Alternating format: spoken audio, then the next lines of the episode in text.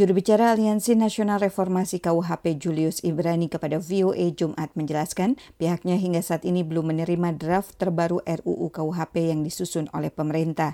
Dia menambahkan ada banyak pasal bermasalah bukan 14 pasal saja seperti yang diklaim oleh pemerintah. Dia mencontohkan pasal yang belum masuk adalah tentang pelanggaran hak asasi manusia berat. Yang ada dalam RUU KUHP saat ini adalah pelanggaran HAM berat merupakan tindak pidana umum. Aliansi Nasional Reformasi KUHP juga menyoroti banyak pasal tentang penghinaan terhadap penyelenggara negara. Penghinaan ini banyak sekali pasalnya, bukan cuma penghinaan terhadap uh, presiden wakil presiden, hmm. ada juga yang lain-lain itu penghinaan terhadap kekuasaan umum. Kekuasaan umum itu siapa saja instansi dan yang lain. Nah, kali secara teori penghinaan itu terhadap individu persona manusia, bukan terhadap jabatan. Julius Ibrani menegaskan pasal tentang penghinaan terhadap presiden dan wakil presiden yang masuk dalam RUU KUHP sekarang merupakan adopsi langsung atas pasal mengenai penghinaan terhadap raja dan ratu berdasarkan pasal 111 Hukum Pidana Belanda. Padahal Indonesia merupakan negara dengan sistem republik bukan menggunakan sistem kerajaan seperti Belanda.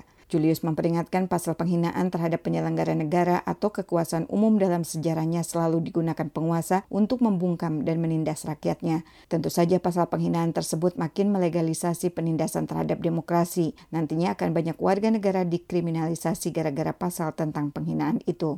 Aliansi Nasional Reformasi KUHP tambahnya selalu mendukung setiap pembaruan hukum karena masyarakat bersifat dinamis. Hanya dalam prosesnya harus transparan dan melibatkan masyarakat secara bermakna baik dalam level teori atau praktek untuk memperkaya rumusan draft RUU KUHP. Pakar Hukum Tata Negara dari Universitas Andalas Ferry Amsari menjelaskan, menghidupkan kembali pasal-pasal penghinaan terhadap kekuasaan umum mirip hukum warisan kolonial Belanda. Padahal kebanyakan negara di Eropa sudah tidak lagi memakai pasal tentang penghinaan kepada penguasa. Dia menilai pula pasal penghinaan kepada kekuasaan umum sangat keterlaluan karena tidak hanya menjerat pengkritik presiden dan wakil presiden, tapi juga badan atau institusi negara lainnya seperti jaksa dan polisi. Ini betul-betul pasal penjajahan, pasal kolonial, pasal yang tidak sesuai dengan sistem pemerintahan yang kita anut, yaitu sistem pemerintahan presidensial. Ferry menambahkan dalam sistem presidensial tidak dikenal perlindungan terhadap presiden berkaitan dengan kebebasan warga negara dalam menyampaikan pendapat atau pemikiran. Sepanjang pendapat warga negara tidak melukai fisik penyelenggara negara, maka diperbolehkan dan tidak bisa dikenai hukum pidana.